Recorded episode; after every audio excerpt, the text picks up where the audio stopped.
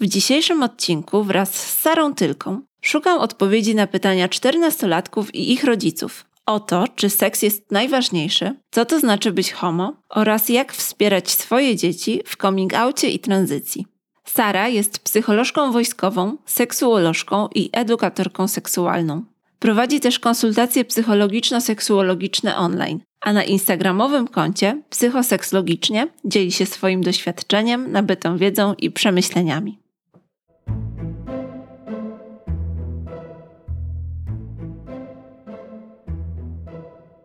Nie mam dzieci. Nie jestem psycholożką ani edukatorką seksualną. O intymności wciąż się uczę. Dlaczego zatem podcast o edukacji seksualnej? Bo głęboko wierzę w bezpieczną przyszłość, że dzięki wiedzy przestajemy się bać, wstydzić, zaczynamy odróżniać przekonania od faktów, że edukacja jest drogą do prawdziwej, trwałej wolności. I wierzę też, że o intymności najwięcej uczymy się od naszych najbliższych, rodziców i opiekunów. Dlatego to właśnie Wam dedykuję tę audycję.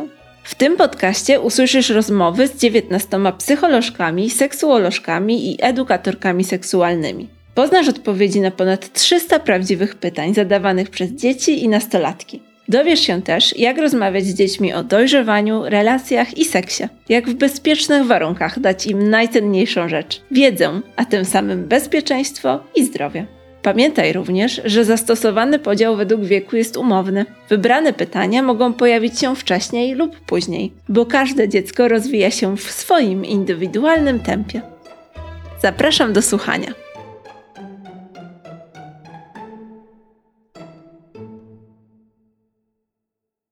Saro, miło mi się z Tobą spotkać i bez zbędnych ogródek i przedłużania przejdę do pierwszego pytania czternastolatków. Czy seks jest najważniejszy? A więc tak, y, od początku może być ważny. Może być ważny dla, dla ciebie, dla mnie, dla kogoś innego, a dla kogoś zupełnie nie. Ale to, co jest ważną taką częścią, to to, to że to jest, może być ważną częścią dla nas samych, dla naszych relacji, a też dla niektórych osób on zupełnie nie będzie ważny, nie będzie istotny i to wszystko jest tutaj ok, bo trochę właśnie mm, nawiązuje do osób oczywiście aseksualnych mimo że aseksualność nie oznacza braku intymności, ale aseksualność jest pojęciem takim spektrum, które łączy w sobie wszystkie te osoby, u których nie występuje pociąg seksualny do żadnych właściwie osób lub pojawienie się pociągu seksualnego związane jest z określonymi czynnikami. Wtedy mówimy o demiseksualności, ale aseksualność jest nazwą na mm, orientację seksualną i niektóre osoby aseksualne uprawiają seks, niektóre osoby zupełnie nie będą go chciały i to jest ok i nic tu nie trzeba naprawiać. Tak po prostu jest, więc dla niektórych będzie on ważny, dla niektórych zupełnie nie, a w niektórych momentach naszego życia on będzie dla nas bardzo istotny, a czasami po prostu może nieco wygasnąć. Potem znowu się pojawić jego ważność. Także czy jest ważny, czy nieważny dla kogoś, to po prostu tak, tak to działa. Jest to płynne. Bardzo fajnie, że wspomniałaś o aseksualności. A czy mogłabyś polecić jakieś dodatkowe źródła, gdzie moglibyśmy poczytać na ten temat, zgłębić go? Mhm. Jasne. Wydaje mi się, że mm, taką mm, lekturą, którą ja mogę polecić, y, bo sama ją czytałem, była książka Ani Niemczyk, jeżeli nie pomyliłam nazwiska, wydaje mi się, że nie. Możemy to zweryfikować ewentualnie. E, która napisała książkę o seksualności. Występują w niej, w tej książce bohaterowie, którzy, że tak powiem, przedstawiają swoją, swoje doświadczenia, swoją perspektywę. E, I książka nosi tytuł Aseksualność, czwarta orientacja. Więc na pewno po tytule e, myślę, że spokojnie można znaleźć w wyszukiwarce albo w którychś księgarniach. Także książka była w pewnym momencie dość popularna, także na pewno jest wciąż dostępna. Tak, ja też na pewno ją odszukam i w linkach e, na stronie internetowej podcastu pod tym odcinkiem zamieszczę odpowiedni odnośnik. A co przyjemnego jest w seksie? Przede wszystkim e, seks jest lub może być przyjemny i zdrowy pod warunkiem, że osoby, które go uprawiają, zgadzają się na niego, są świadome, odpowiedzialne i wiedzą o jego ewentualnych konsekwencjach. Seks to też odbieranie tak naprawdę różnych bodźców. Należy też po prostu pamiętać, że dla każdego co innego będzie przyjemne. Więc y, to może być coś więcej niż sam akt. To może być miła atmosfera, to może być osoba, y, która o nas dba, na przykład z którą jesteśmy w relacji, związku, dźwięki, obraz, dotyk. Tak naprawdę dużo rzeczy, które my zwyczajnie odbieramy na to, co patrzymy, czy dźwiękiem, czy, czy czymś zupełnie innym, czy dotykiem, jak już wcześniej wspomniałam. Ponadto nasze narządy płciowe, mm, czyli genitalia i doty dotykanie ich zwyczajnie może, nie musi sprawiać nam przyjemność, więc dlatego też warto samemu wcześniej sprawdzić to, czyli możemy oglądać swoje genitalia, dotykać je, obserwować, bo też dzięki temu my możemy sami sprawdzić, co nam, co w tym lubimy, co może być dla nas przyjemnego, także do tego też zachęcam. Ile trzeba mieć lat, żeby uprawiać seks?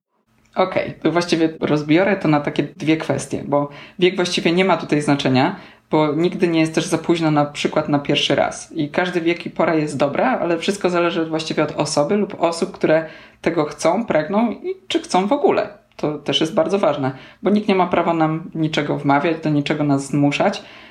Nigdy. Ale mm, w Polsce seks można legalnie, jeżeli mogę tak to nazwać, uprawiać od 15 roku życia. Także tutaj ten, ten wiek jest też bardzo ważny.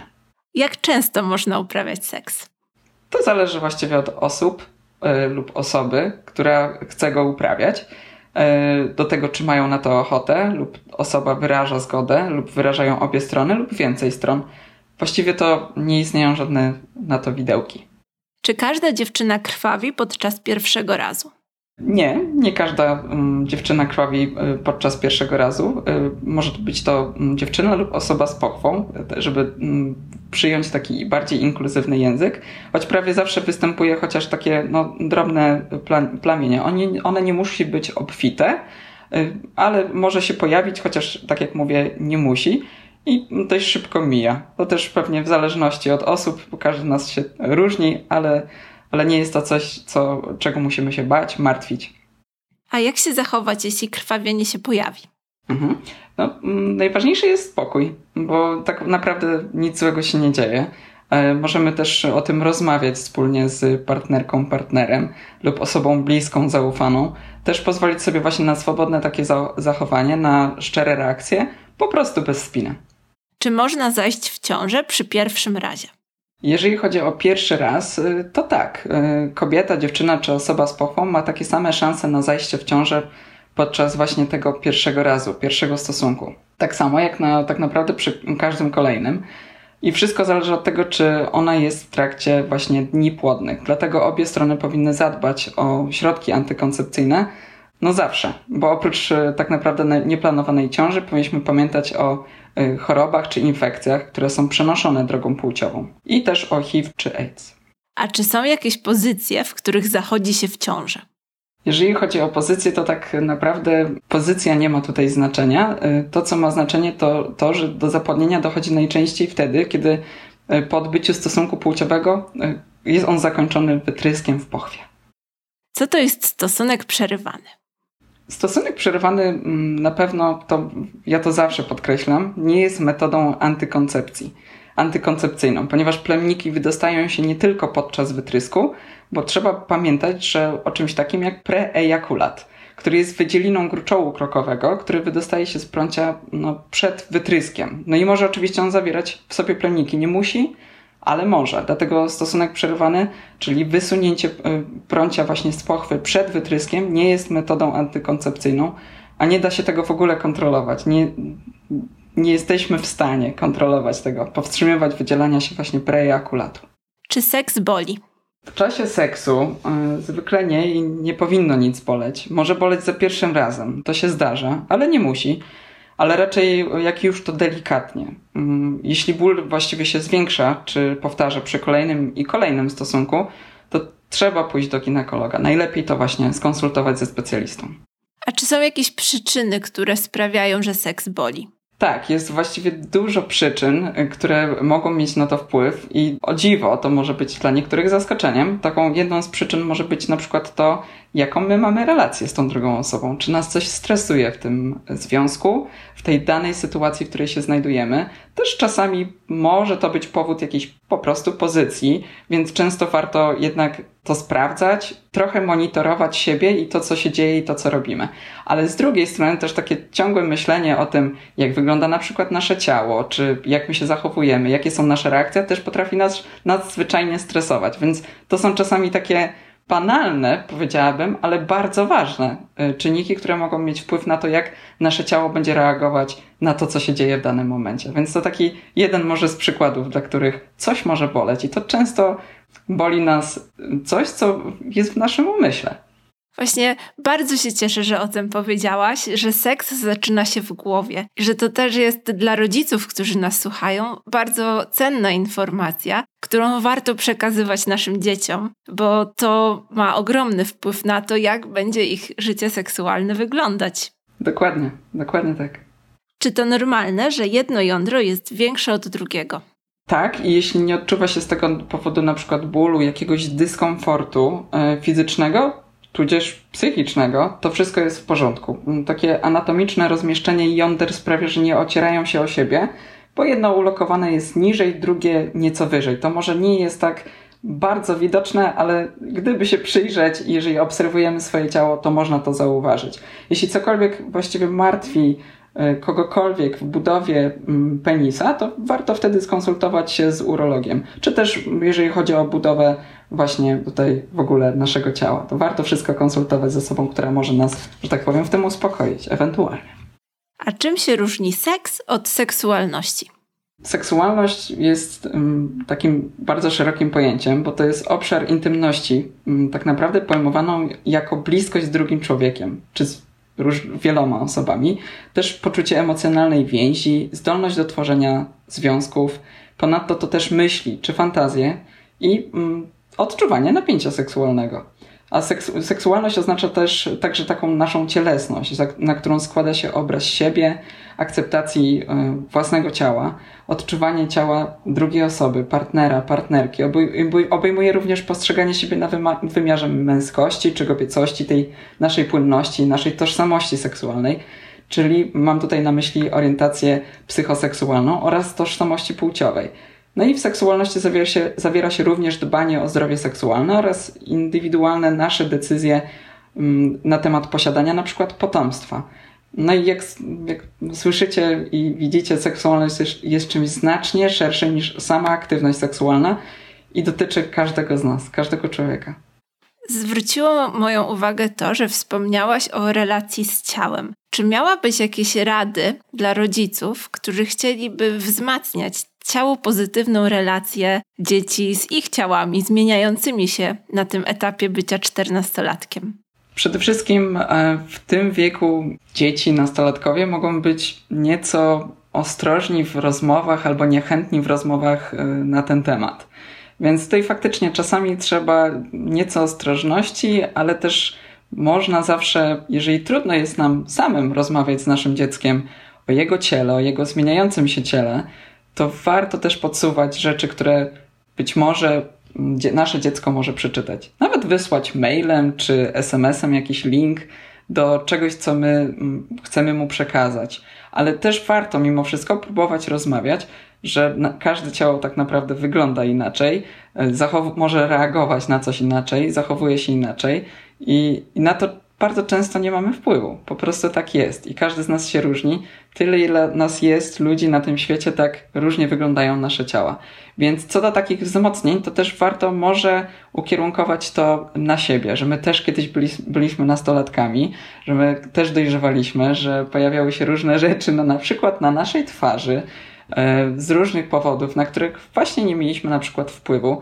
Więc warto też opowiadać swoją historię, ale wysłuchać też drugiej, drugiej strony, czyli tego, co ma nam do powiedzenia nasze dziecko i jak on widzi na przykład, czy ona swoje ciało, czy, mm, czy w jaki sposób o nie dba. I nie mam tu na myśli na przykład dbania poprzez pielęgnację tego ciała, chociaż oczywiście higiena jest też ważna, ale tu nie do końca to mam na myśli, ale takie postrzeganie siebie, mm, że ten nastolatek może y, zbyt często też widzieć swoje ciało, postrzegać je jakoś, albo nie są nastolatkowie, którzy, którym, że tak powiem, to po młodzieżowemu może nie robi to, jak wyglądają. I to jest to i to jest ok, aczkolwiek to i to może do czegoś doprowadzać. Ważne, żebyśmy otwierali ten temat, próbowali rozmawiać, ale może też w takich warunkach, w których jesteśmy z tą osobą, z naszym dzieckiem sam na sam. Być może to da też jakiś taki większy komfort tej całej rozmowie. Spróbować zacząć od takich delikatnych rzeczy. Też można podsuwać, jak wcześniej wspomniałem, jakieś artykuły na przykład na ten temat. Czy jeżeli tutaj słuchają nas rodzice, którzy na przykład mają Instagrama, jest dużo e, właśnie mm, profili na Instagramie, które, że tak powiem, prowadzą tematykę właśnie ciało pozytywności, ciało neutralności, także można je, myślę, łatwo też wy, wy, wyszukać poprzez takie hasztagi. A czy masz jakieś swoje ulubione konta o tej tematyce, które chciałabyś polecić? Właściwie to, co mogłabym polecić, to wydaje mi się, że profil cielesny. To jest taki profil, który, który bardzo lubię. Też jest profil e, ciało pozytywność i wydaje mi się, że te dwa są takie godne uwagi, dlatego że ciało pozytywność akurat skupia się wokół innych osób, innych doświadczeń osób. Także to też jest fajne mm, móc zobaczyć, jak co niektórzy przeżywają, jak doświadczają swoje ciało, w jaki sposób e, je traktują, e, widzą, jaki jest e, dla nich ten proces akceptacji też swojego ciała. To, że ono wygląda jakoś, ale to nie znaczy, że wygląda na przykład źle. Tak jak powiedziałem wcześniej, każde ciała wyglądają inaczej i reagują różnie, chociaż są takie rzeczy, które pewnie mamy wspólne oczywiście, ale że to ciało jednak się zmienia i postrzeganie również. Także myślę, wydaje mi się, że mogę polecić te dwa profile: cielesne i ciało pozytywność. Kiedy mówiłaś o tym rozróżnieniu między seksem a seksualnością, wspomniałaś również o orientacji seksualnej. I moje kolejne pytanie właśnie odnosi się do może trochę objaśnienia tego, czym jest bycie gejem, lesbijką, osobą biseksualną i osobą transgender. Okej. Okay. Istnieje skrót, który jest często używany, czyli LGBT, który się kończy często literką jeszcze Q, po czym występuje jeszcze plus, bo za plusem jest też wiele rzeczy, które się kryje, o tym zaraz y, powiem. Ale jeżeli chodzi o literkę L, czyli lesbijki, to są to kobiety kochające kobiety.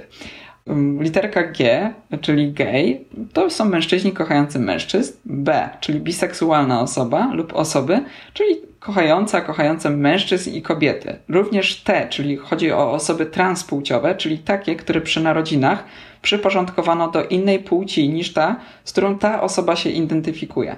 Tam jest jeszcze Q i jest jeszcze plus, czyli dodajemy na końcu ten plus, bo jest więcej liter, nazw na to, co, co one oznaczają, to znaczy na orientacje psychoseksualne czy tożsamości płciowe.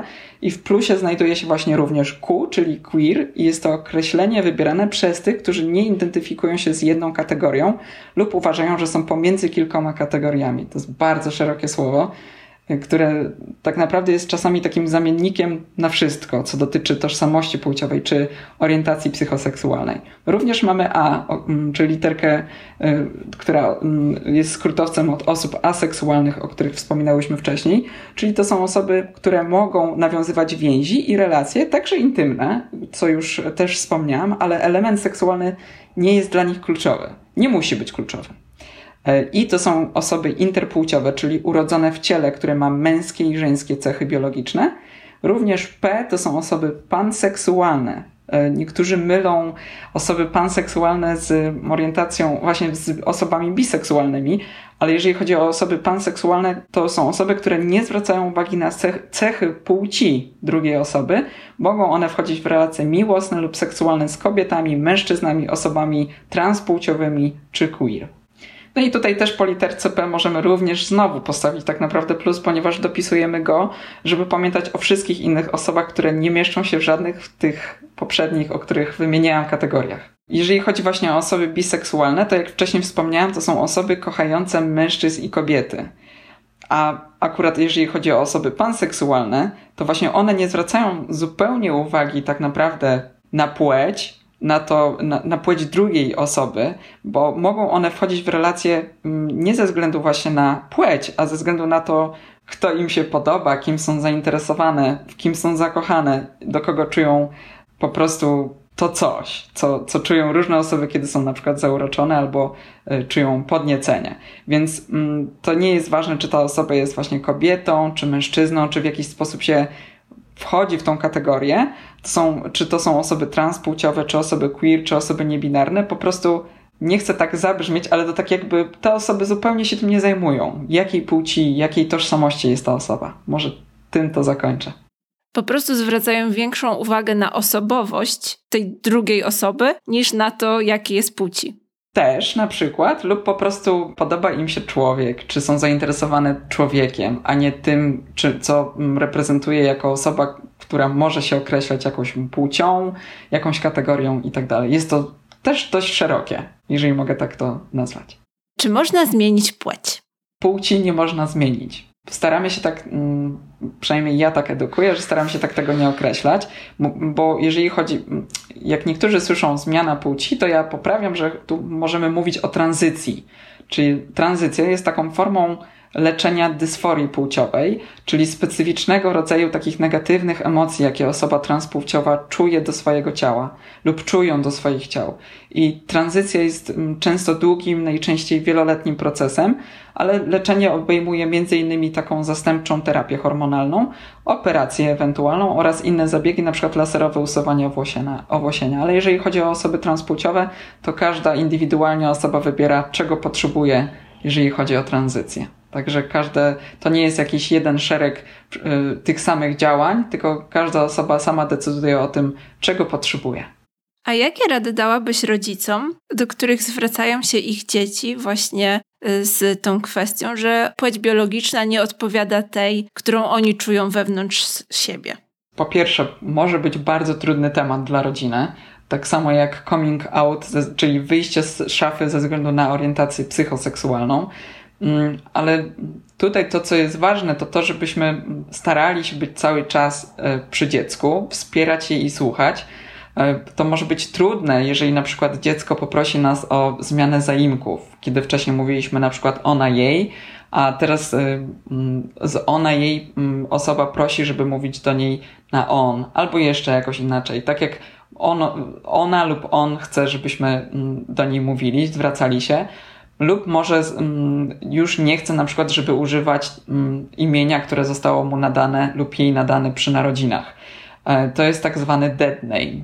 E, więc tutaj warto starać się oczywiście pracować całą rodziną nad tym, żeby wspierać to dziecko e, jak najbardziej umiemy. I to jest taka moja wskazówka, którą ja zazwyczaj staram się dawać różnym osobom, że mm, ja mogę dawać rady, czy wspierać, pomagać, taką, mm, pomagać takiej osobie, y, która jest transpłciowa, y, czy pomagać jej rodzinie, ale tak naprawdę mm, to, czego rodzice potrzebują najbardziej, albo to, co może być najbardziej pomocne, to właśnie to, żeby słuchać dziecka. To nasze dziecko wie najlepiej, E, czuje naj, najbardziej siebie i ono może odkrywać siebie, a może już wiedzieć na pewno, ale pozwolić na odkrywanie tego, pozwolić na, na to, żeby było sobą zwyczajnie. Więc e, w tej sytuacji słuchanie dziecka i jakby ich, taki, jego takich zaleceń lub tego, czego potrzebuje, sprawdzanie też, czego potrzebuje, jest najważniejsze przynajmniej na samym początku. To może być duży szok dla rodziny, e, jakaś trudność, która się nagle pojawia, ale mm, słuchać, słuchać, słuchać i rozmawiać, rozmawiać, rozmawiać i mm, tak naprawdę nie tracić z oka y, ani z uszu, ani z niczego innego tego dziecka, bo nigdy nie wiemy, co tak naprawdę może się ostatecznie dziać i stać, dlatego że mm, taka osoba potrzebuje bardzo dużo wsparcia. Jak każdy z nas, kiedy pojawia się coś może trudnego, co niekoniecznie w naszym kraju jest jakoś, powiedzmy, społecznie akceptowalne. A gdzie szukać więcej informacji na ten temat? Gdzie można się doedukować? Jeżeli chodzi o mm, edukację związaną na przykład z transpłciowością czy niebinarnością, to mm, też mm, zachęcam, e, trochę odsyłam znowu na Instagram. Mogłabym polecić właściwie dwa, a może nawet trzy. Pierwszy to będzie grupa Stonewall, to też można, mo, można gdzieś udostępnić na przykład, czy ewentualnie e, właśnie queerowy feminizm, tam bardzo dużo dobrych treści i mm, również polecam tranzycja.pl. I to też jest strona, która funkcjonuje od niedawna i właściwie mm, te trzy e, polecam najbardziej profile, ale właśnie trzeci to też jest strona internetowa, na której myślę, że każdy znajdzie coś, ważnego dla siebie. Jeszcze być może bym poleciła Miłość nie wyklucza albo Fundację Transfuzja. O, właściwie to chyba powinnam powiedzieć o niej na pierwszym miejscu. Fundacja Transfuzja wiem, że ma swoją siedzibę w Warszawie, ale też można się z nimi kontaktować mailowo, także mm, wydaje mi się, że akurat w tym temacie transpłciowości czy niebinarności warto mm, ewentualne swoje, mm, że tak powiem, myśli czy, mm, czy różne zapytania kierować w ich stronę. Kiedy rozpoczynałyśmy rozmowę na temat tranzycji, wspomniałaś, że to może być równie trudna rozmowa, co wyjście z szafy przed rodzicami. Czy masz jakieś wskazówki dla rodziców, którzy dowiadują się właśnie, że ich dzieci są homoseksualne? Jak zareagować na taką wiadomość? Jak postępować? Okej, okay. a więc tak, mm, jeżeli chodzi o coming out naszego dziecka, to właściwie nie możemy ani przewidzieć tego, co się, mm, co ta nam osoba konkretnie powie, nasze dziecko, e, czego będzie potrzebowało, e, no i też nie jesteśmy w stanie chyba przewidzieć swojej reakcji. Ale mm, to tak samo wydaje mi się powtórzę, jak przy osobach, e, przy dzieciach transpłciowych czy niebinarnych, ważne jest to, żebyśmy słuchali potrzeb naszego dziecka, to czego potrzebuje. To może być E, pewnego rodzaju taki, takie uderzenie w nas, bo być może będziemy zadawać sobie pytania, co zrobiłam lub zrobiłem nie tak, jako mama, tata, opiekun, ale mm, zrobiliście wszystko, co mogliście najlepiej i możecie jeszcze więcej. E, więc, mm, żeby, żeby móc zbliżyć się do naszego dziecka jeszcze bardziej, to warto go słuchać i rozmawiać. To mm, ponownie powtarzam. Dodatkowo, mm, tak naprawdę nasze dziecko w ogóle się nie zmieniło, nie zmienia, jest cały czas naszym synem, córką. Tylko pewien fakt e, o nim macie Państwo w rękach tak naprawdę, więc ono Wam też tą, ten swój sekret w jakiś sposób powierza. Także warto go nie wykorzystywać w złym celu, a mm, sprawić, że możecie się do siebie jeszcze bardziej zbliżyć, słuchać się nawzajem, być blisko. Jak to moja mama powiedziała, e, wydeptywać tą drogę do dziecka i słuchać, rozmawiać, rozmawiać, rozmawiać. Tak, to, to jest super ważne, żeby e, okazywać sobie wsparcie, nawet pomimo być może, że to będzie szok, to przecież nagle nie przestajemy kochać kogoś w, w minutę, bo dowiedzieliśmy się czegoś o nim. Tak, to nasza reakcja może być różna. Możemy czuć się smutni, zdenerwowani. Oczywiście mamy prawo na okazywanie emocji, ale jeżeli to jest na przykład um, złość, to niestety złość czasami, nie zawsze oczywiście i nie musi, przerodza się w taką złość, że możemy być przemocowi, albo że nasze zachowanie może być przemocowe albo agresywne. Warto postarać się okazać to w innej przestrzeni, w innym miejscu, nie przy dziecku i nie w stronę dziecka. To mogłoby być po prostu niebezpieczne. A czy możemy sobie na chwilę wyobrazić taki idealny świat, w którym rodzice dowiadują się właśnie, że ich dziecko jest homoseksualne i jak rodzice w takim idealnym świecie, idealni rodzice reagują? Sądzę, że przybijają sobie piątkę i mówią sobie, mówią dziecku, że je bardzo kochają, że to nic nie zmienia. Także są, istnieją takie osoby, które w taki sposób reagują. Znam, ale nie zawsze tak jest. Ale wydaje mi się, że to byłoby najbardziej idealne. Albo e, naj, najbardziej idealnym takim scenariuszem takiego, takiej sytuacji może jest to, że w ogóle nie trzeba o tym mówić, bo dziecko, kiedy na przykład utożsamia się z byciem heteroseksualnym, y, że jest osobą heteroseksualną, właściwie nie musi tego deklarować, bo to widać po jego jakichś lub jej działaniach, powiedzmy, że jest na przykład w związku heteroseksualnym, więc to byłoby też dość piękne, gdyby nie trzeba było, w ogóle gdyby to nie był temat, że to po prostu jest. Tak, bo bardzo lubię to porównanie, że osoby heteroseksualne nie przychodzą do rodziców i nie mówią: Mamo, lubię chłopaków, mamo, lubię dziewczyny w przypadku chłopaka. Natomiast od e, osób homoseksualnych trochę się oczekuje takiej deklaracji. Tak, pojawia się dużo pytań. E, też, no, jeżeli my dobrze obserwujemy swoje dziecko, to też jest ważne. Mm, ja mm, może tak dodam, że mm, ja nie mam z tym e, żadnego kłopotu, żeby o tym mówić. Ja jestem osobą queer, homoseksualną, jakkolwiek można mnie określić bardziej w tych kategoriach.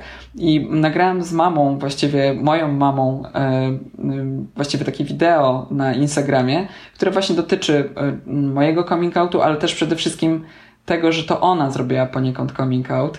E, więc tam ona też mówi o takim swoim doświadczeniu i tego, co mogła może zrobić trochę inaczej, czego trochę żałuje, ale że nie miała takiej wiedzy, więc im wcześniej my też się będziemy edukować, tym szybciej możemy na pewne rzeczy zareagować, ale nie żeby je zatrzymać tylko może zatrzymać na przykład depresję dziecka w jakiś sposób lub zareagować tak dobrze, żeby po prostu jego ten wychodzenie z szafy, czy jej wychodzenie z szafy było jak najbardziej łagodne. Więc y, i żeby one było mm, też takie mm, pełne empatii, bo tego też często brakuje, ale to, co właśnie moja mama podkreślała, to tego, to, to, to żeby rozmawiać y, i żeby obserwować dziecko, bo mm, też ono może się zamykać w pokoju, może chcieć wychodzić gdzieś na zewnątrz dość często, ukrywać się w jakiś sposób, trochę uciekać, e, tak w cudzysłów biorę, e, przed nami, nie wchodzić z nami w kontakt ze względu na to, że może się boi coś ujawnić, a może my się czegoś domyślamy, więc dlatego warto rozmawiać, warto też, e, jeżeli mamy z tym problem, może zostawić jakiś karteczkę, jakiś liścik, że zawsze może z nami porozmawiać, mm, My też się zawsze możemy jakoś przygotować na taką ewentualną rozmowę, jako opiekunowie czy rodzice. Kiedy wspomniałaś o tym, że nagrałaś film ze swoją mamą, to przypomniało mi się, że ja również na YouTubie oglądałam kilka takich filmów, o których ludzie opowiadają właśnie o swoim wyjściu z szafy i rozmawiają też z rodzicami. Teraz mi się nasuwają dwa, kanał Those Vegan Guys, to jest anglojęzyczny YouTube. I Shelby z takiego kanału o życiu Zero Waste też je podlinkuję, bo to są bardzo wzruszające filmy, które też pomagają się edukować, więc y, uważam, że to super jest obejrzeć i nawet poszukać tego typu treści. Tak, ja też takie oglądałam będąc nastolatką, więc y, wszystkie były właśnie na przykład jakichś tam amerykańskich dzieciaków, które wychodziły z szafy i podpowiadały, co zrobić, czego nie robić, na co zwracać uwagę też, ale to często, tak jak mówię, nie da się w ogóle przewidzieć, ale to mi dało, pamiętam, na tamten czas dużo wsparcia. Więc jak słuchają mnie jakieś dzieciaki, to też polecam takie, czy nastolatkowie, to polecam też takie mm, wideoblogi na YouTubie osób, które wychodzą z szafy.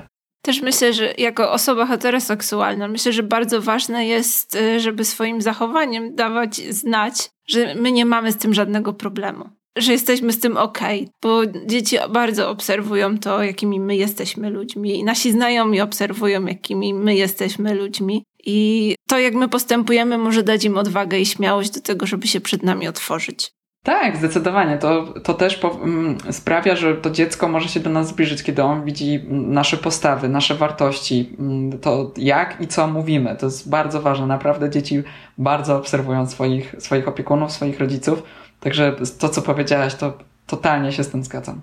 Super, że odbiegłyśmy trochę od tej mojej listy. Bardzo się cieszę, że te dwa tematy e, się tutaj pojawiły. Fajnie, ja w ogóle bardzo lubię te tematy, bardzo, bardzo, bardzo. Mogłabym mówić i mówić. Wracam do moich pytań.